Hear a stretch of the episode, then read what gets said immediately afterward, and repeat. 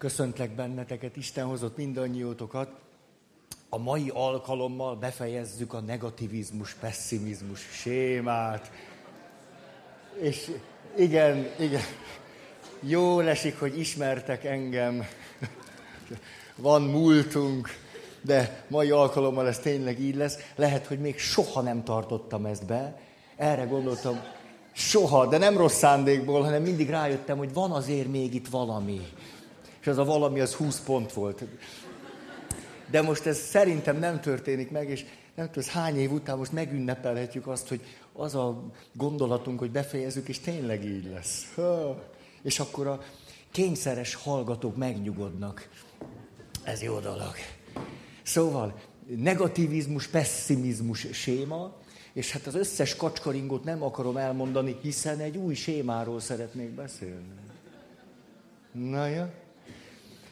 És akkor ezért csak annyit, hogy a negativizmus, pessimizmus sémával élők hihetetlenül hatalmasra nagyítják a rosszat, a rossznak a vélt rettenetes következményeit, a jót pedig, ami ugyanúgy reálisan jelen van, figyelmen kívül hagyják. És sok-sok-sok kacskaringóval eljutottunk valami számomra nagyon lényegihez, ez pedig az, hogy beszélhetünk arról, hogy mennyire van ez tele, és akkor mondhatjuk azt, hogy jó, igen, igen, a Feri hónapok óta másról se beszél, mint hogy félig tele van a pohár, vagy félig üres. És hogy ha valakiben ez marad meg, akkor kicsi el fogok szomorodni, mert hogy éppenséggel a megközelítésünkkel túl nőttünk ezen, mert valóban lehetne arról beszélni, és így is kezdtük, hogy mi van akkor, hogyha pessimistán nézünk, gondolkozunk és látunk, annak milyen előnyei és hátrányai vannak, Ugye ezt most már tudjuk kívülről, hogy enyhe pessimizmussal érdemes tervezni. Az áll legközelebb a realitáshoz. Azután megnézhettük és megnézzük, hogy mit jelentett az, hogy optimistán látni. Akkor az optimizmus előnyei például a cselekvő képesség. Sőt, rájöttünk, hogy aki optimista, az vihar esetén hatékonyabban keres magának búvóhelyet. Ez egy kutatási eredmény. És ezt megosztottam veletek. Szóval az optimizmus pedig nem is csak enyhén, hanem akár egy komolyabb, vaskosabb optimizmus a tervezés után, a kivitelezés során nagyon jól jön nekünk. Ezért, ha az egészet összevetjük, akkor két dolgot mondhatunk. Az életünk szempontjából egy a vaskosabb optimizmus eléggé hatékony, másfelől pedig túl vagyunk azon, hogy ilyen legyek, vagy olyan legyek, mert a legjobb megoldás az az, ha a tervezés időszakában enyhe, szomorúsággal nézek körül a világban, számba véve a lehetséges nehézségeket, amelyek realitások, majd pedig a kivitelezés időszakában ezt egy picit háttérbe helyezem, de bármikor elő tudom venni, mert ő is elérhető, és ezért nekilátok, és olyan lehetőségeket, erőforrásokat is fölfedezek, amelyek akkor lehetségesek, ha képes vagyok a pozitívumokat, az értékeket meglátni. Le akartok ülni? Nem. Nem. Igen, jó van, ha akartok, van két szék. Szóval, tényleg ez a titokzatos hallgatók. Sose derül fény rájuk. Kik is ők? Vannak meghívott vendégeink, csak nem jönnek be. Ah. Ez is egy újdonság, ilyet se csinál más. Tehát, tehát ugye akkor ne, ne, ne, pozitív, negatív, negatív, optimív, persze, jó, hát ez már elég, már itt jön ki, meg már elég. És ezért jutottunk el oda, emlékeztek, az igazságosság a családban, az igazságosság egyáltalán az életben, hogy mindegyikünket érnek rossz dolgok, sérelmek, fájdalmak, igazságtalanságok rettenetes dolgok. És hogy erre kétféle választ adhatunk. Első, egy folyamat végén a romboló jogosultságainkat romboló módon beváltjuk. Rosszat tettél velem, akkor én is. Vagy veled, vagy másokkal. Adok, kapok, szemet, szemért, fogad, fogért. De még jobb, hogyha egy kicsit túllövök a célon. Akkor, akkor biztos meg fogok nyugodni. Nem? Tehát akkor én, én, én már nem vagyok adósod vagy bárkinek adósa. Igen, és hogy igen ám, és itt jött a fordulat, hogy amikor fájdalmas dolgok érnek bennünket, igazságtalanság, akkor tulajdonképpen ennek a hátterében, hogyha megnézzük, hogy mi is az, ami a legnagyobb fájdalmat okozza, az valami olyasmi, hogy megkérdőjeleznek bennünket. Egyáltalán a létjogosultságunkat, azt, hogy értékesek vagyunk, azt, hogy lehet-e arról beszélni, hogy elvehetetlen emberi méltóságunk van. Ha valakivel bármit meg lehet tenni, akkor hol van az emberi méltóság? Akkor hol van a gondviselés? Tehát az igazságtalanság az élet mélységeire kérdez rá bennünk. Nem csoda, hogy valahogy önmagunk állításához, hogy igenis van jogom élni, hogy értékes vagyok, hogy érek annyit, mint bárki más, hogy van méltóságom, hogy ezt valamilyen formában próbáljuk kifejezni. Igen ám? De ha ezt romboló formában tesszük, akkor az lesz benne, hogy mindig van két része a romboló jogosultságunk kifejezésének, az egyik egy igazságos, a másik pedig egy igazságtalan. Ezért mindig valamit továbbadunk olyanoknak, akiknek nem kellene. És akkor ezt láttuk, hogy nem csak romboló módon fejezhetjük és állíthatjuk magunkat, hogy van jogunk élni és értékesek vagyunk, akkor is, hogyha valaki a tettével, mintha ezt megkérdőjelezni, vagy alásná. Ez az aláásná. Ez a jó pofa, amikor ilyeneket csinálunk. Ismeritek ezt a... Megtörtént, mert ugye atléta voltam régen, és volt egy sportolói csapat Bécsben, de az nagy dolog volt akkor.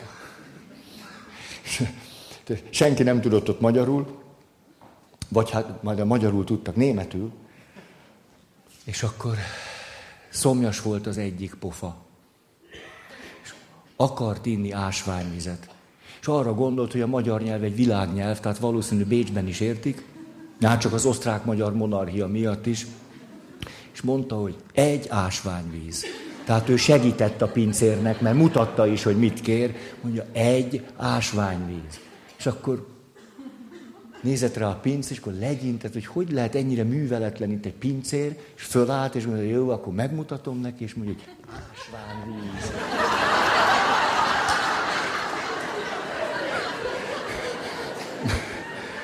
Hát, nem mondom, hogy nem almalevet kapott. Szóval, ó, szóval, tehát arra jöttünk rá, és ez híde nagy dolog, hogy önmagunkat állítani sérelmekkel, igazságtalanságokkal, veszteséggel, fájdalmakkal, önmagunk konkrét vagy benfoglalt megkérdőjelezésével, összefüggésben nem csak romboló módon állíthatjuk és erősíthetjük meg magunkat, hanem pozitív jogosultságok szerzése által. Hát ez fölemelő, fölemelő.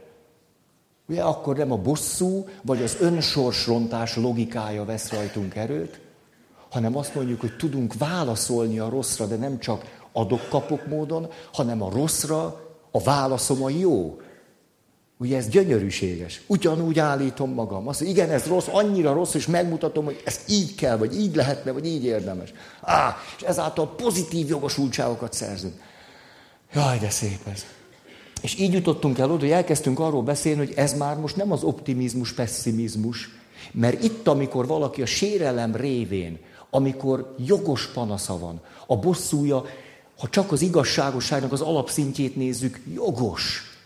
A megbocsájtásnak is van ilyen definíciója. A megbocsátás azt jelenti, hogy valaki szabad akarattal úgy dönt, hogy a jogos bosszú vágyának határt szab. A jogosnak. Tehát itt valami jogos dolgot múlunk fölül, ettől olyan gyönyörű. Hogy a romboló egészségedre egyetek. Jaj, ez finom. Tényleg egy titokzatos nap a mai. És akkor beszéltünk, vagy 20 pont, hogy hogyan tudunk pozitív jogosultságokat szerezni, és hogyan tudjuk fölülmúlni ezt, hogy pusztán csak optimizmus, pessimizmus, mert ez itt egy minőségileg más válasz. Hát és ez, ez gyönyörű. És aztán pedig próbáltam elmondani azt, amit itt-ott, nem tudom, tizenvalahány év alatt különböző témákkal összefüggésben mondtam, hogy azok, akik ezt a fölülmúlást megélték, megértették, hogyan fejezik azt ki. És ebből mondtam rengeteg pontot. Még itt maradt talán néhány, Ez a egészségedre. Ez a, ah, te voltál az. Itt még maradt néhány pont, már csak a maximalizmuson miatt is szeretném elmondani. Igen, például, hogy amikor imádkozom, akkor nem az a kérdéses, hogy Isten ott van-e, hanem hogy én ott vagyok-e. Az egész biztos, hogy ő ott van, a kérdés, hogy én ott vagyok-e. Az egész biztos, hogy ha ő ott van, akkor a teljes valójával ott van. És hogy én hányad részben vagyok ott, vagy éppen mennyire nyitottan, befogadóan, na hát az a nagy kérdés.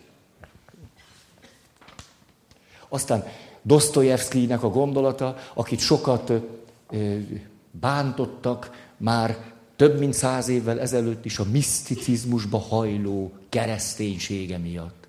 És akkor egyszer csak, amikor már hogy mondták, meg mondták neki, hogy hagyd már abba ezt a hülyeséget, akkor azt mondta, ide figyeljetek, inkább tévedek Krisztussal, mint hogy igazam legyen veletek.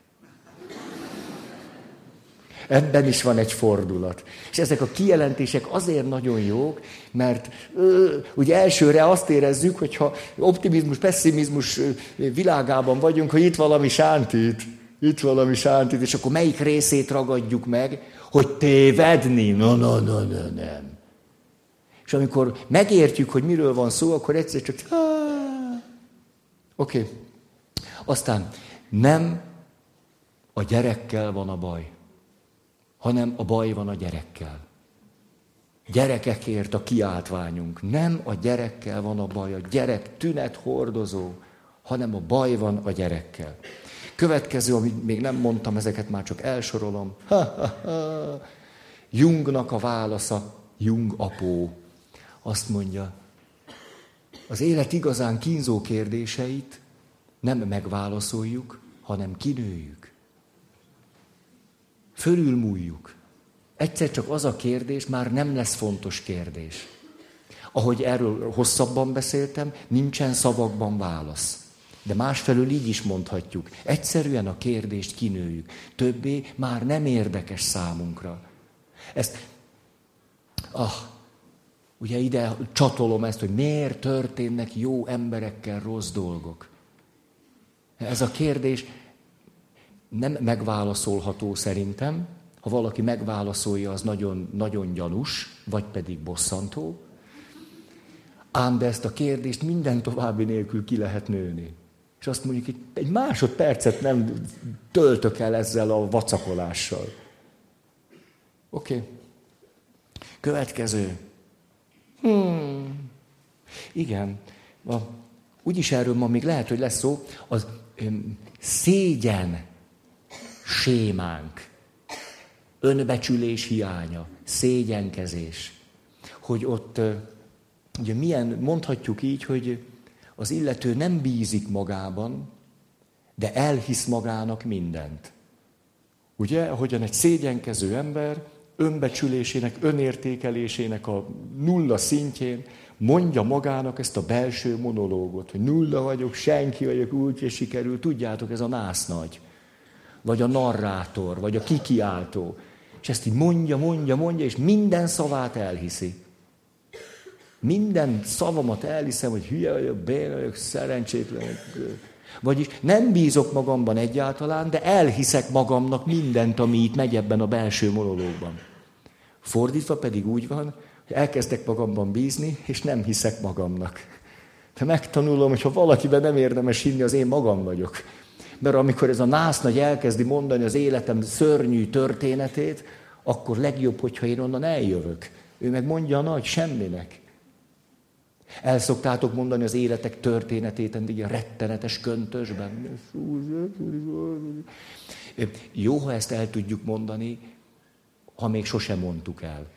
De hogyha 1847-szer mondtad el, és főleg ennek a felét valaki más hallotta is, lehet, hogy érdemes már most egy picit ezt... Mm, jó. Ugye ezt úgy fogalmaztuk meg, hogy, hogy 89 évesen valaki azt mondta, hogy anyám tönkretette az életem. Hát, ez már nem hangzik olyan jól. 20 évesen jön hozzád egy kliens, és azt mondja, ah, rájöttem, hogy anyám mit csinált velem. Hú, jó, még föl is nagyítjuk. Ugye még biztos nem látja a felét se. De amikor 89 évesen mondja, hát persze, jobb későn, mint soha. Csak itt értitek, nem az van, hogy későn, mert 60 éve mondja. Jó? És hát ezzel vége is van. Ha, ha. Na most itt, itt történhetne a baj. Mert ide írtam még hat pontot. Sutyiba, mikor úgy volt, volt egy kis lélek jelenlétem, de ezt most úgy gondolom, nem fogom elmondani. Ez felszabadító, mert így egy másik sémáról tudunk beszélni. De elmondanám csak egy utalás, hogy ugye most, amiről beszéltünk, ez kb. 20 mondat volt, nem ma, hanem a múltkorival együtt, és nem összesen az összes mondat, hanem csak mondjuk ezek a fontos mondatok. Ez volt a 20 mondat. Na, ezek mind egy-egy mondatok voltak. De most mondhatnánk történeteket egymás után. Mert van úgy, hogy ezt a jó és rossz, optimizmus, pessimizmus, ennek a fölülmúlásához történetek segítenek hozzá, illetve azt történetek fejezik ki. Hát azért néhányat csak elmondok. Egyáltalán, hogy érzékeljük, hogy mi ez. Tehát nem csak mondatok létezhetnek, történetek.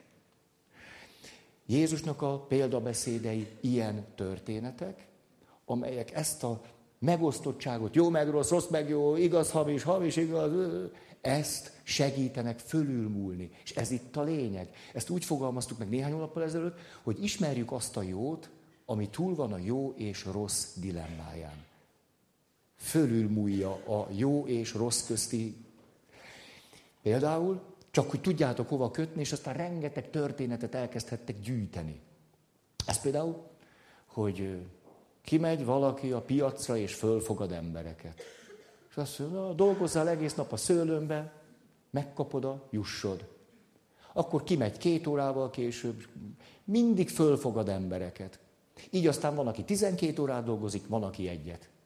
Jön a fizetés ideje, mindenki ugyan annyit kap. Pontosan annyit, amennyiben megegyeztek.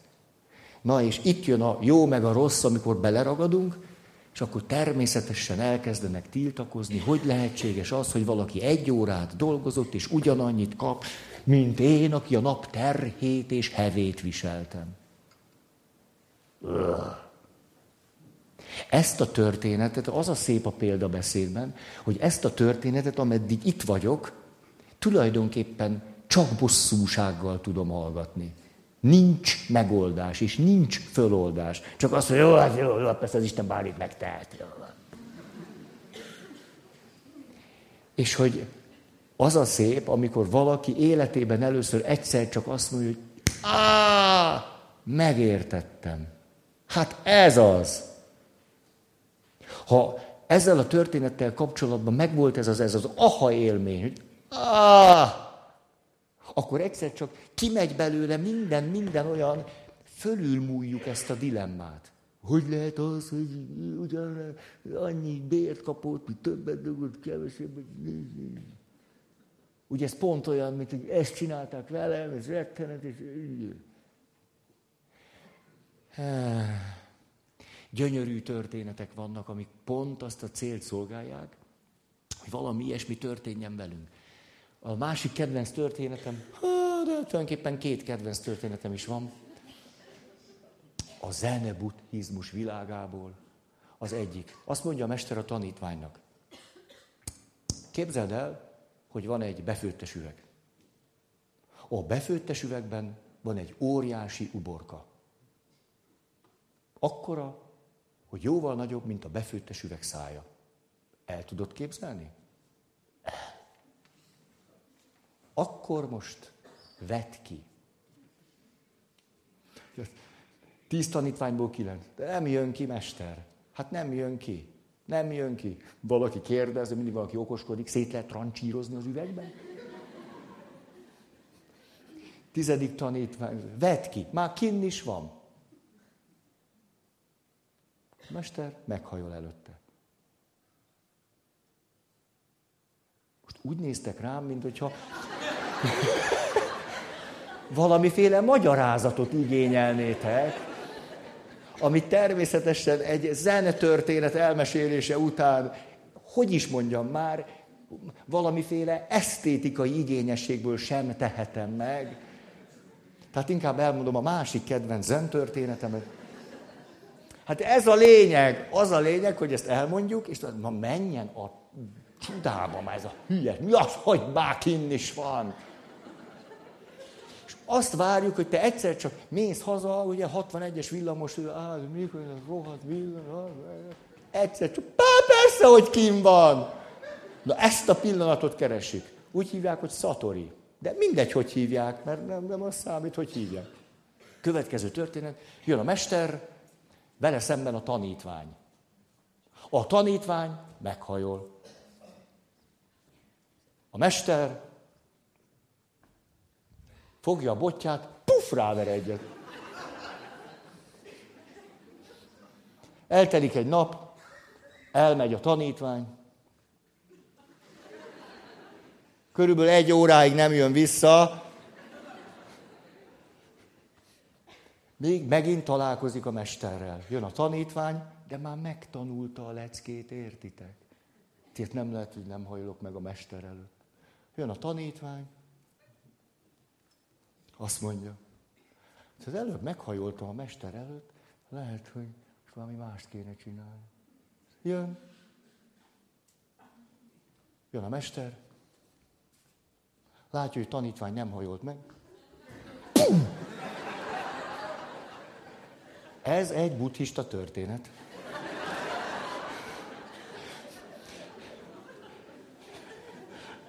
Ezt ugyanúgy nem áll módonban elmagyarázni.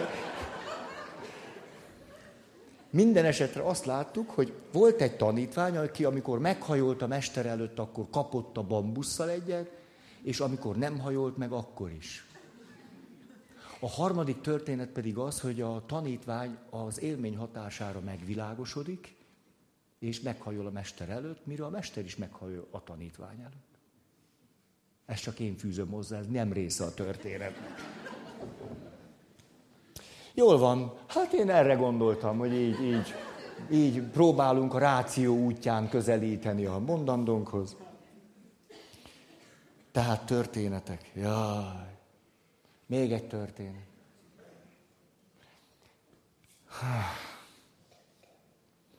Forradalmak ideje Európában. Hatalmas tömeg az utcán, és természetesen az a módi, hogy lövetik a tömeget.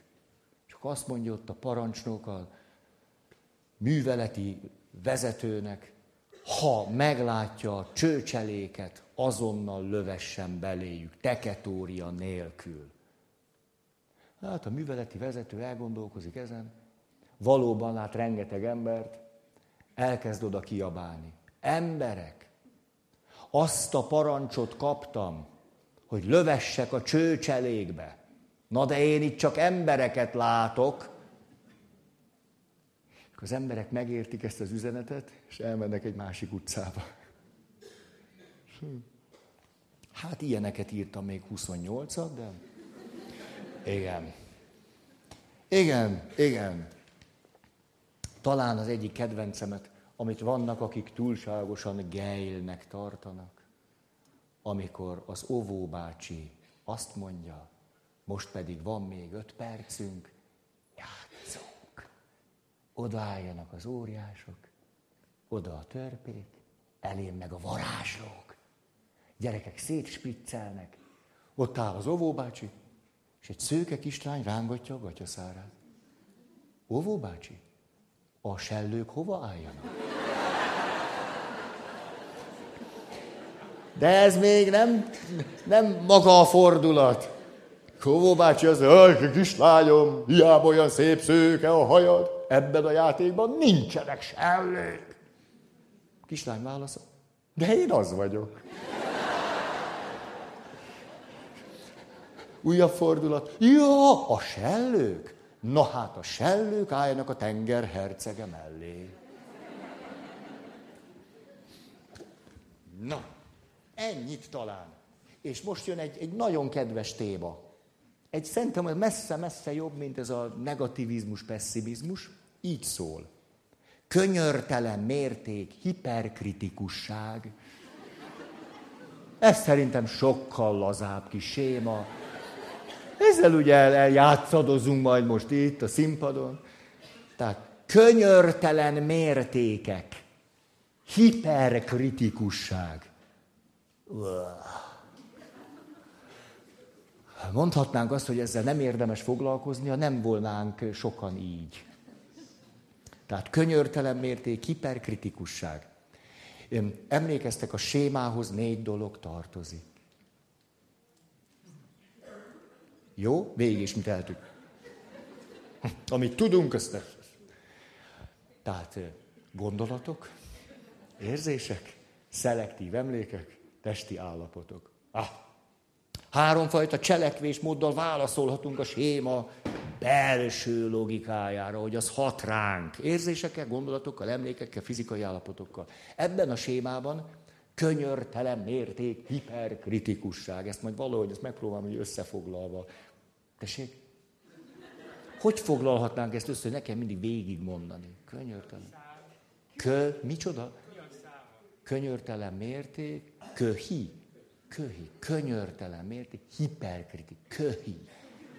Hát, köhi, köhi. Próbáljuk ki. Jó, tehát valaki a köhi alatt nyög, krővel azt tör, de jónak tűnik, jónak tűnik. Nagy badarság, de jónak tűnik. Ha a séma logikája alatt van, akkor természetesen minden erőfeszítésével igyekszik tökéletes lenni, a dolgait tökéletesen csinálni, mert működik benne, van benne egy köhi, és ez a köhi olyan erős belső mércék, mércék, na ez is jó, mérték és mérce, mércék, mérték, ami belül van. Ez a különbség az elismerés, hajszolás és e között a séma között, mert itt nem arról van szó, hogy én egyébként olyan szívesen kevesebbet is próbálnék nyújtani, csak hát akkor majd nem dicsérnek, nem szeretnek, hanem arról van szó, hogy itt ez a belső, iszonyatosan maximalista és perfekcionista mérték, ez a személyiségem részévé vált. Tehát nem úgy élem meg, hogy kívülről várnak el tőlem elviselhetetlenül túlzó dolgokat, hanem én várom el magamtól. És azt gondolom, hogy ez a minimum. Így ezt a két szót nyugodtan mondhatjuk, hogy maximalizmus és perfekcionizmus. Majd mindjárt egy történetet, amit talán ismertek is. Tehát az első, az első cselekvésben való válasz erre a köhire, az, hogy minden erőmmel meg akarok felelni. Száz százalék sokkot, de ha 105, az se baj.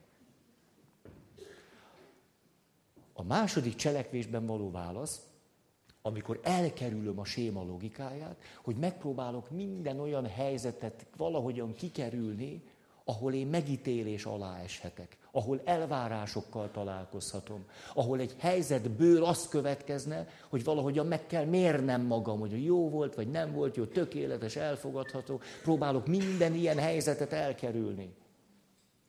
És amikor túlkompenzálom ennek a köhinek a belső világát, akkor pedig azt csinálom, megpróbálok fütyülni mindenre. Milyen elvárás, milyen keddi alkalom, ugye? De hogy lötyögünk egy kicsit. Ez a túlkompenzálás.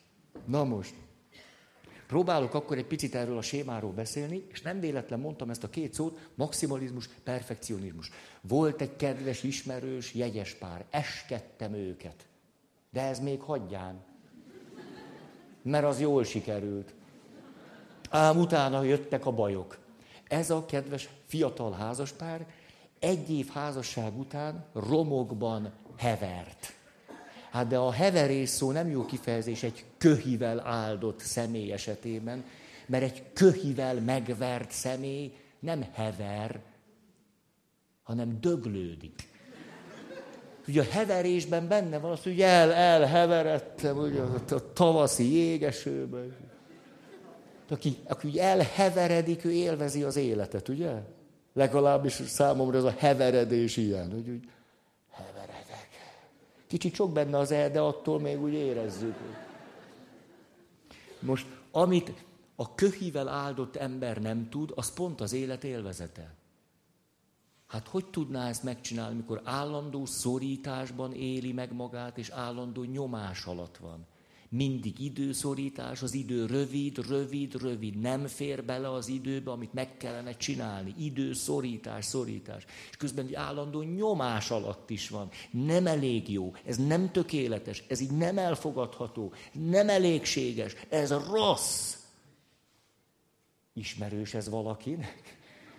Ismerős. Jó, nem mondjatok neveket. Anélkül is látom. Tehát nyomás és szorítás. Mondja, fizikai állapotok társulnak minden sémához. Na, itt ezt elég jól meg tudjuk mondani. Nyomás, szorítás. Nyomás, szorítás. Köhi, köhi. Na. Könyörtelen mérték, hiperkritikusság, nyomás, szorítás, nyomás, szorítás. Hmm. Ezt, ezt hagyom is.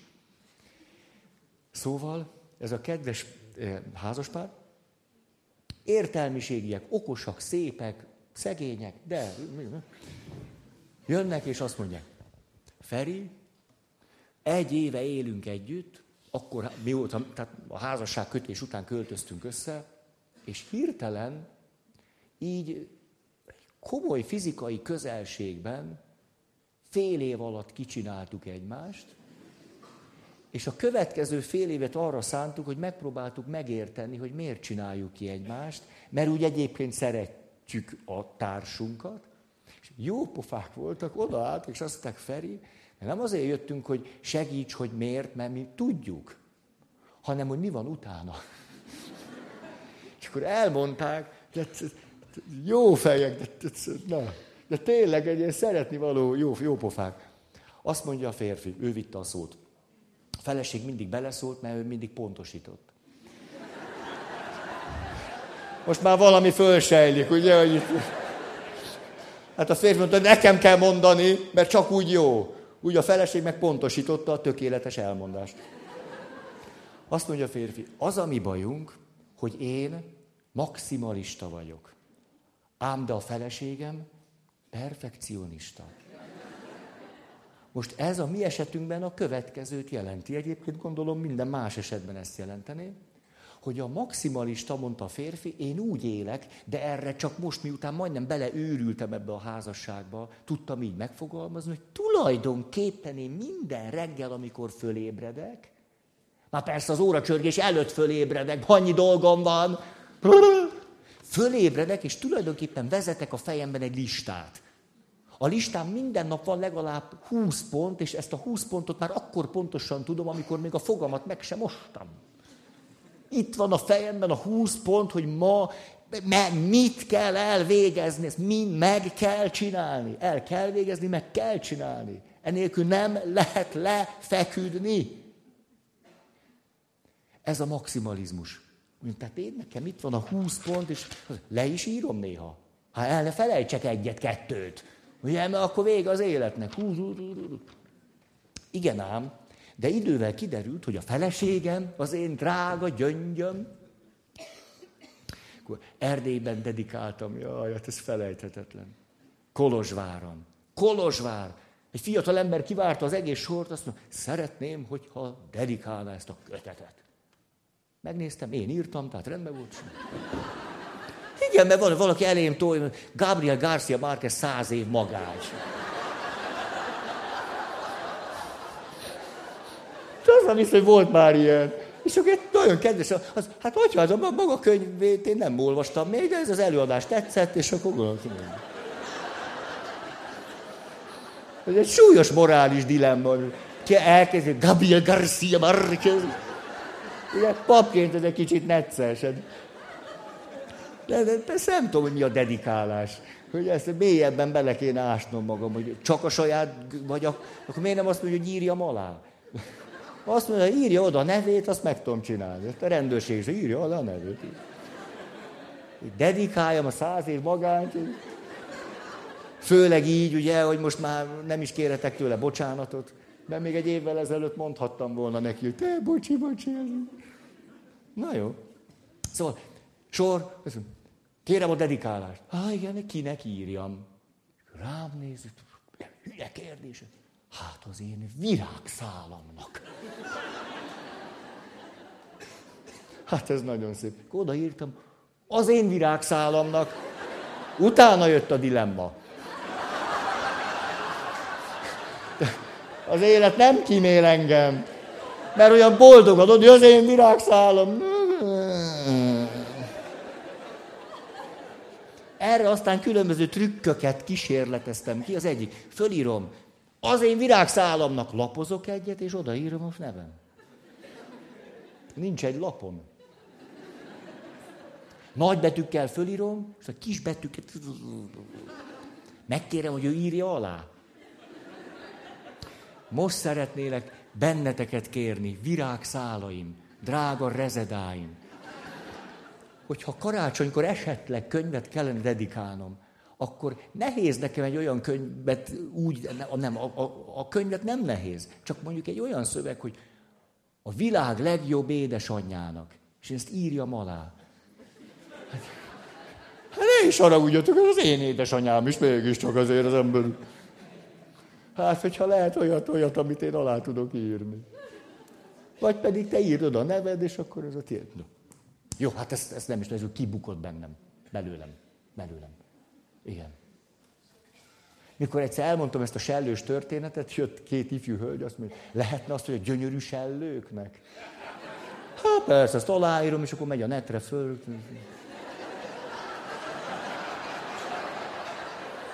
Nem ciki egy kicsit sem, mikor püspök atya kap egy leporellót. Drága sellőmnek, virágszálamnak, világ legcsodásabb nőjének, hát mi, hát mi ez nekem? Hát pár év alatt ezt összehozni, nem? Mert hát ezért járom az országot. De tényleg egyszer meg, mi mindent írtam már alá, hát elég necces. Na, hát látszik, azért rugalmas vagyok, hát már amennyire. Jó, hol is tartunk?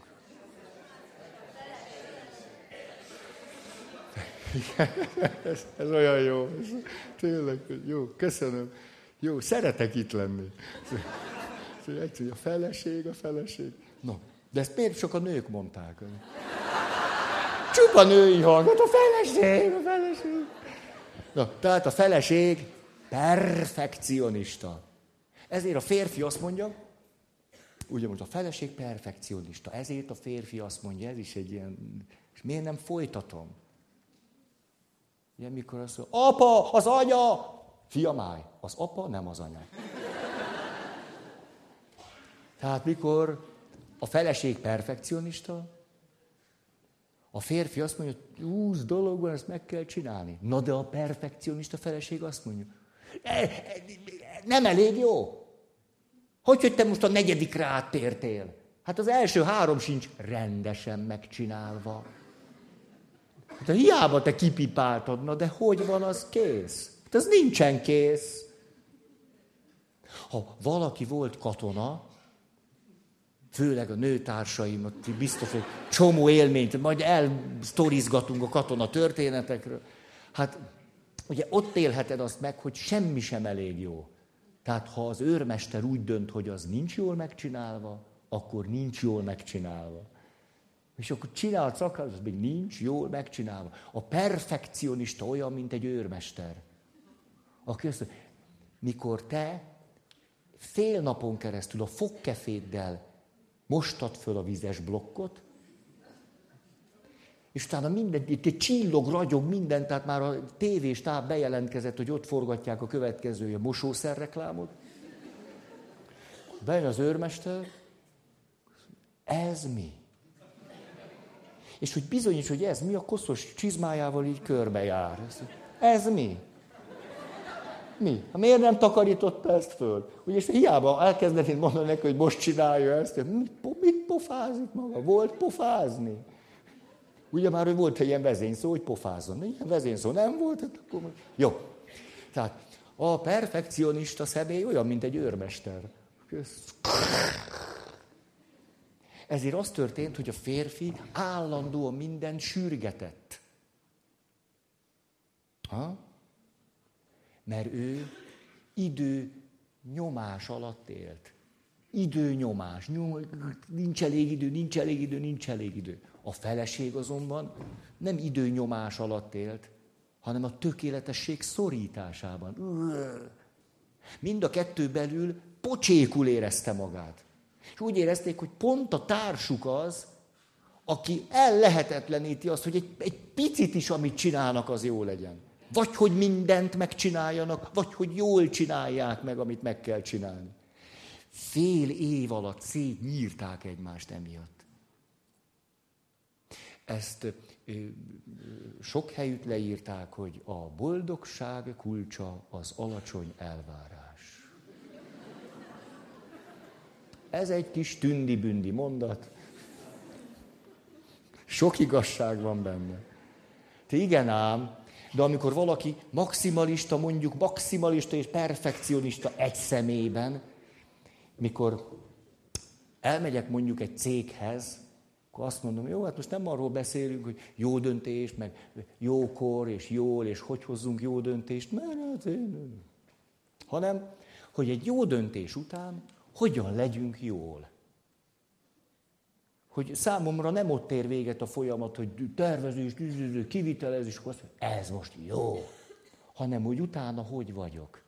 És ezt tudjátok, hogy három emberből kettő megcsinál valamit jól, miután egy jó döntést hozott, és három emberből kettő nincsen utána jól. Hát attól, hogy valamit jól csináltam meg, ebből nem következik, hogy jól leszek. Annyira nem, hogy három emberből kettő nem is lesz jól. És akkor jön egy önmagába harapó kígyó, amikor nem vagyok jól, azt a téves következtetést vonom le, hogy valószínű azért, mert nem csináltam meg jól. De most ebben nem mennék bele, mert erről hosszan volt szó. Itt, hogy mondjuk, ha egy cégnél próbálom azt elmondani, hogy mondjuk az se rossz, hogyha egy munkavállaló egy kicsit egészséges. Nem olyan rossz az. Vagy amikor dolgozunk, akkor ott nincs egy őrültek háza. Ugye nagy stressznyomás alatt a teljesítmény csökken. Stressznyomás alatt emlékeztek erre a tükörneuronok alig működnek, és minden olyan belső élettani működés, ami a tükörneuronok által indul be, az sem működik. Vagyis, ha egy munkahelyen nagyon nagy stressz van, ennek következtében azt lehet mondani, hogy megszűnik az empátia. Nem azért, mert egyébként valaki ne volna képes együttérzésre, vagy megértésre, vagy szolidaritásra, és a többire. Úgy egyébként képes vagyok.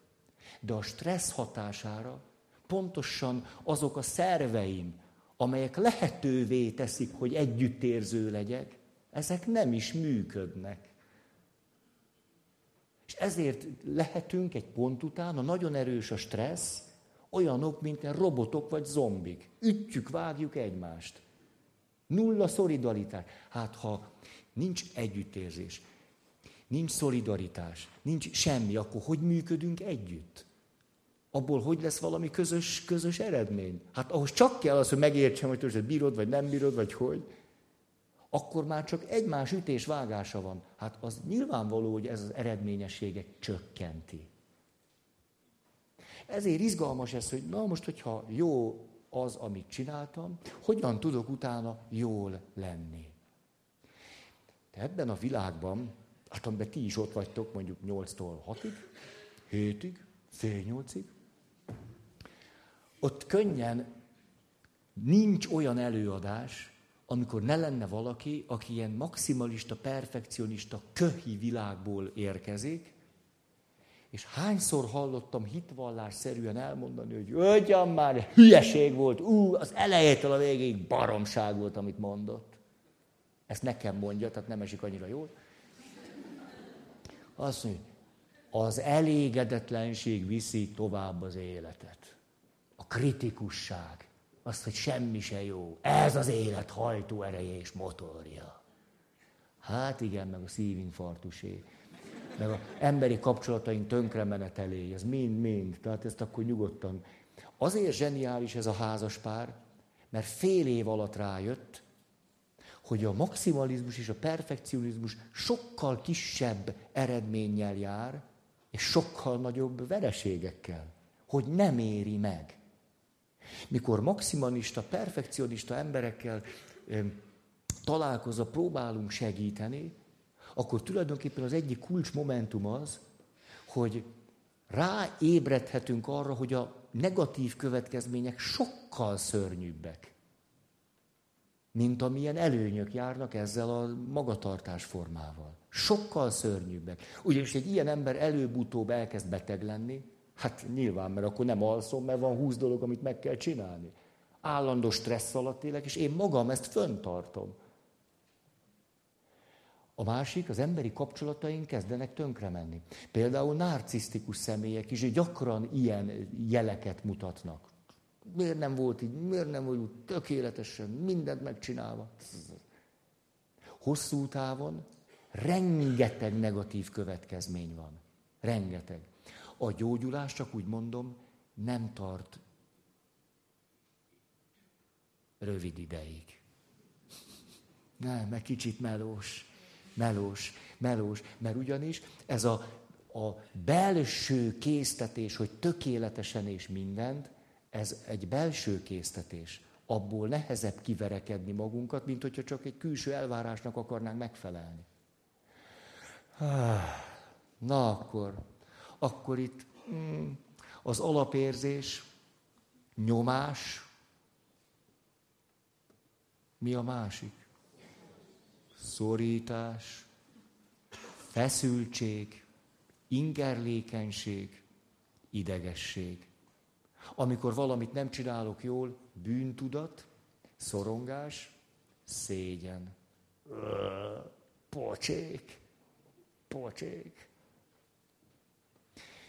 Van itt egy mondat, ami egészen, itt lehet ezzel egy picit játszani, hogy egy ilyen személy azt mondja, hogy a tökéletlenség bűn. A tökéletlenség elfogadhatatlan. És tulajdonképpen ez az, ami miatt szenvedésre ítéli magát. Mert hiszen az ember tökéletlen. Amit csinálunk, az többé-kevésbé jó. Na de hogy tökéletes, hogy mindig tökéletes, és mindig minden tökéletes, ez lehetetlen. Ugye, mint az a szülői parancs, amit a kislány hall otthon, amiről beszéltem nektek, ez édes fiam, kislánynak parancs, édes fiam, tehát már itt ez teljesíthetetlen.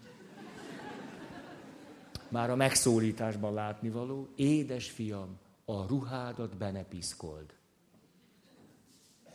Hát egy, nem tudjuk nem bepiszkolni a ruhánkat. Főleg, ha így szólítanak meg nőként, hogy fiam. Akkor pláne bepiszkolódik.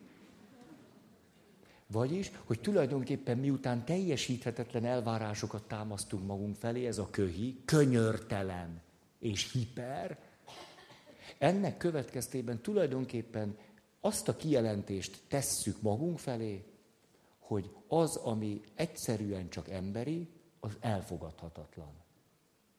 Minden, ami egyszerűen emberi, ilyen esendő és gyarló, és az elfogadhatatlan. A tökélet len ember, bűnös ember, egy az egybe, tökéletlen, egyenlő bűnös. Tökéletlent csinált, az mindenképpen rossz. Aki ebben a sémában van, mindent vagy semmit logika alapján lát. Vagyis valami vagy tökéletes, és akkor rendben van, ha azonban valami nem tökéletes, akkor rossz.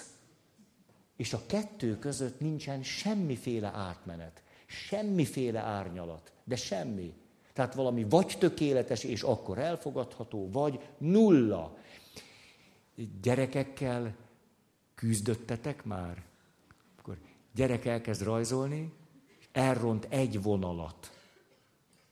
Sír. Elrontottam, anya.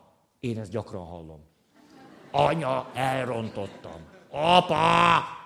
És akkor a gyerek mit csinál? Láttam ilyet.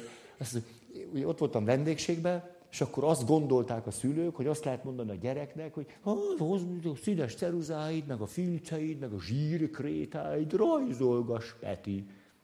Most ha a Peti rajzolgatott, az náluk úgy nézett ki, hogy az apa behozott egy, egy ilyen tömb A4-es papírt, és akkor Peti húzott három vonalat, úgy érezte, hogy az egyik vonalnak a csücske nem pont úgy húzódik, és nem olyan vastag, és akkor fogta, és összegyűrte a papírt, és így eldobta. Képzeljétek el, így az volt nála a rajz, hogy mindig addig rajzolt, ameddig úgy nem gondolt, hogy tökéletes, és eldobta. És mikor elmentem a vendégségbe, én hallom A4-es papír. Minden papírt összegyűrt, amit úgy ítélt meg, hogy már egy vonás nem jó. Semmi radírozás, semmi jó, hát akkor folytatjuk, kijavítjuk, valami. Nem létezett. Nincsen átmenet. Vagy tökéletes és az elfogadható, vagy minden más rossz és elfogadhatatlan. Az emberi kapcsolatainkban nyilvánvaló egy ilyen megközelítés egy kudarcra ítélt világ, hiszen előbb-utóbb a tökéletlenségünk fog kiderülni. Márpedig, ha tökéletlen vagy, az elfogadhatatlan. Most egy elfogadhatatlan emberrel hogy élek együtt? És akit a társa elfogadhatatlannak tart, egyszerűen csak a tökéletlensége miatt, hogy él együtt azzal, aki őt elfogadhatatlannak tartja. Nagyon nehéz párosítás. Egy év alatt tönkre lehet menni bele. Nincs átmenet. Volt egy pap, hát ő egy ilyen laza pap volt, nem, nem sújtotta őt az élet ezzel. És úgy szerette a környezetét mindig egy kicsit így megpiszkálni, és ugye miután ő ilyen iszonyatosan laza volt, hogy minden lehet, persze, hogy a környezete elkezdett mindenen izgulni, mert látszott, hogy a pap az, az nem érdemes rábízni. És hát utolsó pillanatban esett be mindenhova, vagy utána, és akkor az történt, hogy több faluja volt, többek között volt egy olyan, ami egy szigeten feküdt. Hát egy Dunának egy szigetén. És akkor kompal ment át mindig, kilenc óra, mi se. Hát nagyon közel volt a templom ott, ahol komp kikötött, és akkor 8 óra 55-kor azt mondja, hogy Atya! Öt perc múlva kezdődik a mise! Hol van? Erre az atya azt mondja, komponálok! Erre ugye a gyanútlan sekres, és atya, azonnal hagyja abba a komponálást! Hát itt öt perc múlva kezdődik a mise! Jaj, Margitkám, hát nem mondom, hogy komponálok. Hát mit hal maga? Nagyon szerették őt.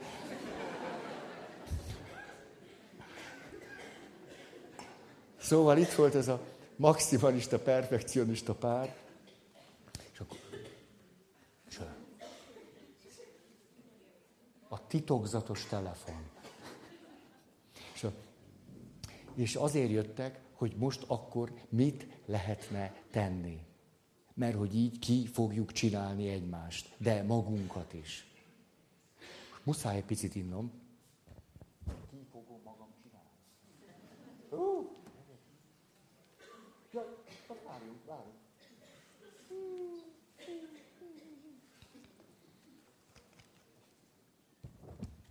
Nem ünnepeltük meg, hogy befejeztük az előző sémát. Most jut eszembe.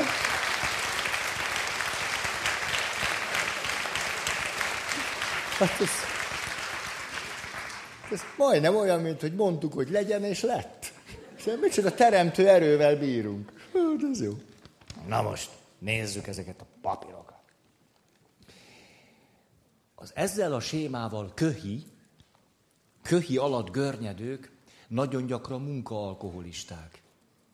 Hát ezen... Most ha valaki munkaalkoholista, nagyon könnyen ki fog égni. A kiégés nem túl egészséges dolog. Pontosan ugyanúgy, mint a bélfotómodellkedés, mert azt is csak egyszer lehet úgy igazán. Emlékeztek a... Látom, azért átment van. A... Emlékeztek a segítő három szerepére? Segítsetek. Nem, mintha nem tudnám. Csak első.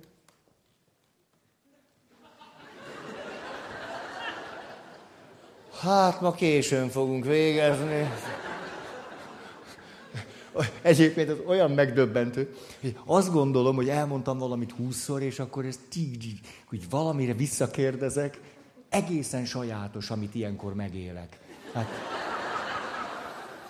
igen, mert van bennem egy naivitás, hogy, hogy na most már ezt is elmondtam, hát ezt már tudja mindenki, hát ezt már, ezt már alkalmazzuk is.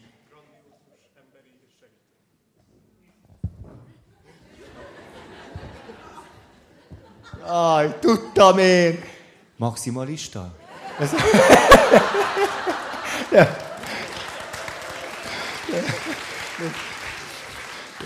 Köszönöm, nehogy megbántulj. Ez, ez, ez, tudod magadról. Ne, azt mondja, hát dicséretnek vettem. Jó, most akkor két percig jól érezheted magad, de utána még jöhet egy kérdés, amire nem tudod a választ. Jó, Feri, ne bánsd őt, hát nehéz neki az élet így is. Na. Nem, ezek, ezek, ezek. Én, én biztos, hogy, hogy szóval nem, azért Szent Péter nem fog ezeknek örülni, ez tuti biztos. De eszembe jutott erről egy történet. Hogy tartottam egy előadást valahol, és egy olyan valaki úgy konferált föl, aki, aki első éves papnövendék volt, amikor én ötödéves. És akkor azt mondja, hogy, és akkor tanítottam őt a mentálhigiénés képzésen, mert ezzel többször találkoztunk több fórum, és azt mondja, tulajdonképpen a, elgondolkoztam, hogy milyennek látom a Ferit. Tulajdonképpen a Feri komolyan vesz mindent. Hogy nem láttam még, hogyha valamit csinált, azt ne vette volna komolyan. És ez tulajdonképpen ez igaz. Ez az érdekes meglátás. És akkor hozzátette, hogy tényleg én komolyan veszek mindent, de bármiből viccet tudok csinálni. Így ellensúlyozom ezt, hogy mindent komolyan veszek. Na most, na most, ahogy te mondtad, pont, pont úgy, de a sorrend is timmelt. Hát mi? Így, így, ugye? És nem volt egy sallang fél szó se, így. Tehát, grandiózus segítő az ember, és a szakértő. A szakértő. Ugye, hogyha azt nézzük, hogy milyen az, amikor magunknak segítünk, vagy másoknak segítünk, vagy egy segítőnek az alapszerepei, akkor grandiózus, a nagyra törő segítő, aki nélkül nem tudunk hatékonyan segíteni. Jön valaki egy problémával, hát ha ez nincs, akkor mit tudom én. Azt mondja, jöjjön csak a problémával, majd csinálunk valamit. Hű, majd elolvasom, megtanulom. Hű. Grandiózus segítő. Ember. Na ő az, aki érez például.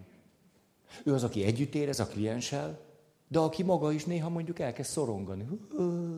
Te hiába mondta, hogy meg tudjuk csinálni. Én ezt nem érzem.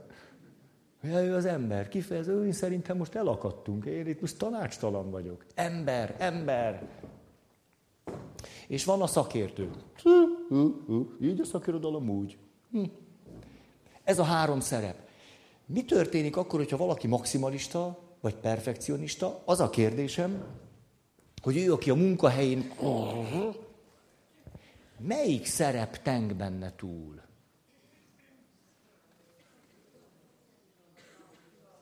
Grandiózus. A szakértő. Mind a három. Segítem, mert harmadszor, tiéd a jó válasz. Na, de tényleg így van, mind a három. Mind a három. Mert az történik, hogy megszólalhat benne a grandiózus segítő, azt mondja, mindent jól kell csinálni. Mi a tötöt meg is tudod csinálni? Gyerünk, hajrá, mint te nem ismersz fáradtságot. A papban ez a grandiózus pap megszólal, akkor vége neki. Úgy az, még öt falut vállalj el, ott is emberek élnek, akik várják azt, hogy te megmentsd őket a szavaddal és az egyház erejével, előre fényes tekintettel, kinyújtott harral, egyenes derékkal. És aztán, hogy e- ezek itt, itt mit bóklásznak, vagy dülöngélnek, vagy ettek-e már ma? Hát mit, mit számít, mikor lelkeket mentünk? Mit érdekel, hogy ettél egy rohadt szendvicset, vagy nem? Kit érdekel a te alvás igényed, mikor emberek várnak a megmentésre? Mária Rádió kedves hallgatóinak érdemes lett volna a hangerőt lecsavarni. Én most már tudom, későn szóltam, de hát érthető a hevület. Nem tudtam csip-csup ügyekkel foglalkozni. Tehát ő eluralkodik, és nem, tehát, hát persze, hogy végem lesz. Hát egyenes út a kiégéshez. Na, igen ám, de ennél a helyzet cifrább. Mert az is lehet, egy igazi maximalista, perfekcionista, mit mond benne az ember? De jövök. Így a csíkig. Itt egy csík. Nem megyek rajta túl, mert tulajdonképpen annyira tele vagyok együttérzéssel, úgy külön-külön mindegyikőtök iránt, hogy arra gondoltam, hogy, hogy aki csak egy kicsit is azt gondolná, hogy én segíthetnék neked, gyertek, álljatok majd sorba, és akkor adnék egy-egy órákat. És akkor gyertek, mert, mert, mert én érzem, hogy milyen nehéz nektek. És én, én bennem van egy csomó jó szándék. És akkor az lenne jó, legalább mondjuk, most vagyunk 650-en mondjuk, most egy picit, picit osztok, szózok, de szerintem, ha nem alszom sokat, akkor, akkor akkor ez, ez lemenne egy néhány hónap alatt. Tehát, hogy ugye, szerintem szeptemberre lehet, és hogy nyáron úgyis egy kicsit jobban, jobban szabad vagyok. És akkor reggel hatkor már el tudnám kezdeni, és mondjuk éjfélig. Mert, mert, mert hát érezhető, nem véletlen, hogy itt vagytok. Hát nem. Hát ha jól lennél, itt ülnél az első sorban.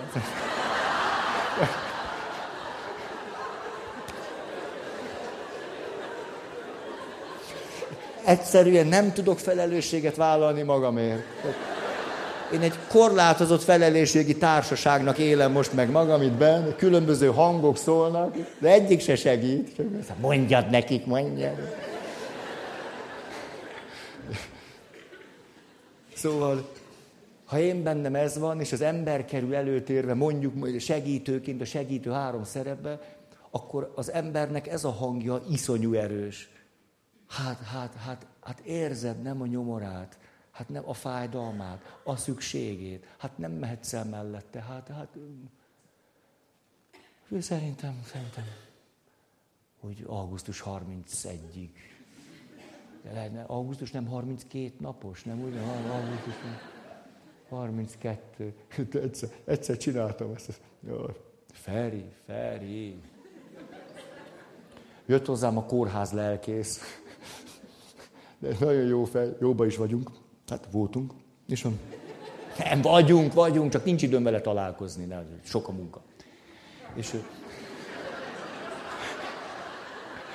Hát de most emberi kapcsolatokra vesztegessem az időt, mikor munka van. Ez egyébként totálisan jellemző a köhíre, csak szerintem véletlenül jut ez eszembe, hanem ilyen zseniálisan szövöm bele a hülyéskedésbe a tananyagot. Szóval, most hol, hol járok, hiába szőttem bele, hogy az egész lepedő elveszett.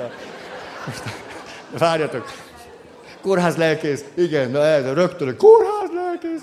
De, de erről viszont eszembe jutott egy történet.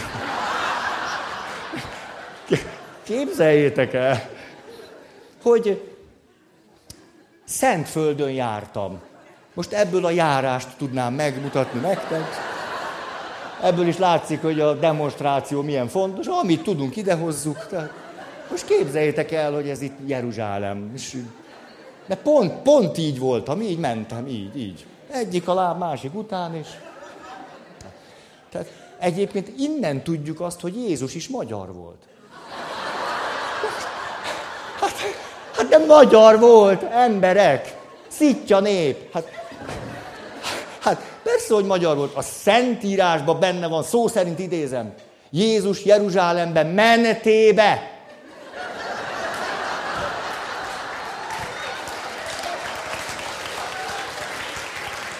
Ennél több bizonyítékra nincs szükség. Na most visszatérnék tehát a Jeruzsálemi élményemre, ahogy Jeruzsálembe mentében voltam, az ember őrizze a nemzeti identitását. Mentem, mentem, különböző hitvilágú testvéreimmel kerültem össze, és ez érdekes, színes történetekre adott okot. Például odaértünk a Szent Sír bazilikához. A Szent Sír bazilikának, ha már volt esetleg ott valaki, de ha nem, ott érzékletesen lefestem nektek. Ne, csak a lényeget.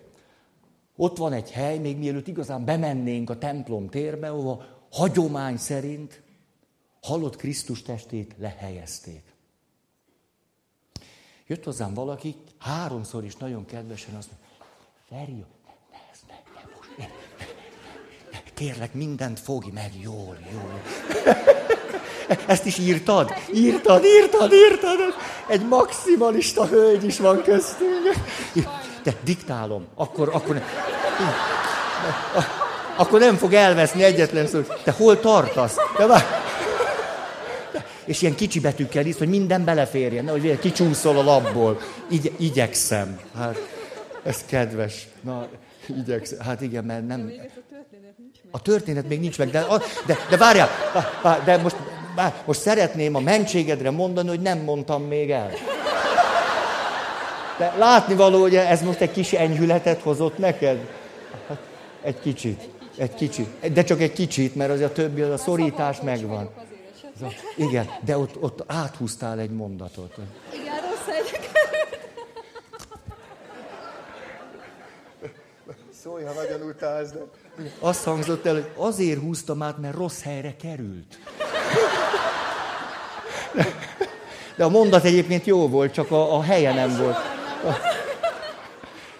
Én ezt értem, hidd el, én... Igen, hogy évek múlta is pontosan a helyén legyen minden. De... Nem, nem, nem, nem, tényleg igazad van, semmi közöm hozzám. Na, tényleg meg, meghajlok. Jó. Igen, köszönöm, valaki jött, Feri, szent sír, szent sír. Ilyenkor szoktam elveszteni a fonalat, ugye? De tényleg a nyelvemen volt, hogy megkérdezem, hogy hol tartunk, de az a pech, hogy most tudom. Hát akkor jött hozzám ez a kedves valaki, azt mondja, hogy Feri, föltétlenül abban a pillanatban, ahogyan ott vagyunk, ahol az a hely volt, ahol a hagyomány szerint Krisztustól lehetetni, hogy abban a pillanatban szólj. Hát jó, én abban a pillanatban fogok szólni. Most akkor legyél nagyon közel mellettem, mert ott fogok abban a pillanatban szólni, nem vagy ott, akkor hiába szólok. És ment mindig követett, mint az árnyék. Egyszer megérkezett, na ez az a hely. Ó, köszönöm! És akkor fogta, volt egy táskája, és a táskából kivett egy lepedőt. Úgy, ahogy mondom, egy igazi, pú, pú, ilyen 290-est. Ráterítette a lepedőt, így, hát lehet, hogy innen kezdte így, és rátapogatta, utána még egyszer, összehajtotta, mindenki. Oda jött hozzám, mint egy igazi szakavatott szakértőhöz. Feri atya, az lesz, én ezt a lepedőt most hazaviszem. Otthon, ollóval, pici kockákra fogom vágni, és ha akarod, egy kis darabot neked is elküldök. Nem igényeltem. És képzeljétek el, hogy este, egy keddi alkalom után, egy háromszor hármas lepedőn fekszem így, szóval... Ezt nem tudtam elképzelni, hogy ez úgy kényelmes lenne. Na jó van most már. El is telt az idő, hát pedig ezt valamiért akartam mondani. A kórház lelkész miatt, de eltelt az idő. Most az időszorítás alatt vagyunk. Ne, egy nyolc... Később kezdtük, a tánc miatt. Nem az én bűnöm, ti táncolgattatok itt. Nem veszem magamra. Jó, kórház. De nem tudom már, mit akartam mondani. Komolyan nem. Honnan jutottunk? Az ember, itt ülök az ember székén. Ó, valamit csináljatok addig. Hogy ne vesszen kárba az értékes idő.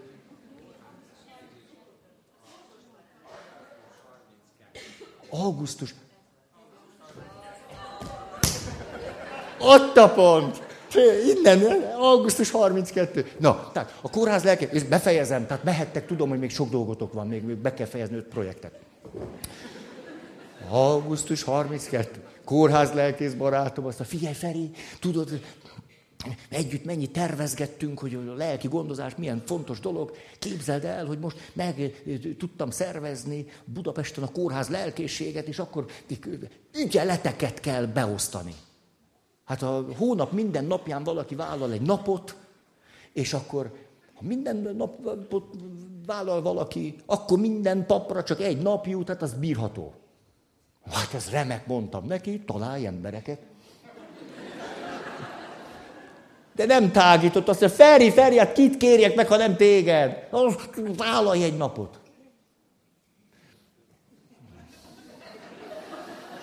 Úgy éreztem, hogy a barátom szorításában vagyok, és nyomás alatt. És akkor egyszer csak eszembe jutott, tudod mit? A 31-ét vállalom. És abból csak 60 vagy 7. Így enyém lett a 31-e, ami nagyon jó ötletnek tűnt egészen december 31-éig. Akkor egy kicsit bőjtös lett. Jó, nagyon köszönöm a figyelmeteket.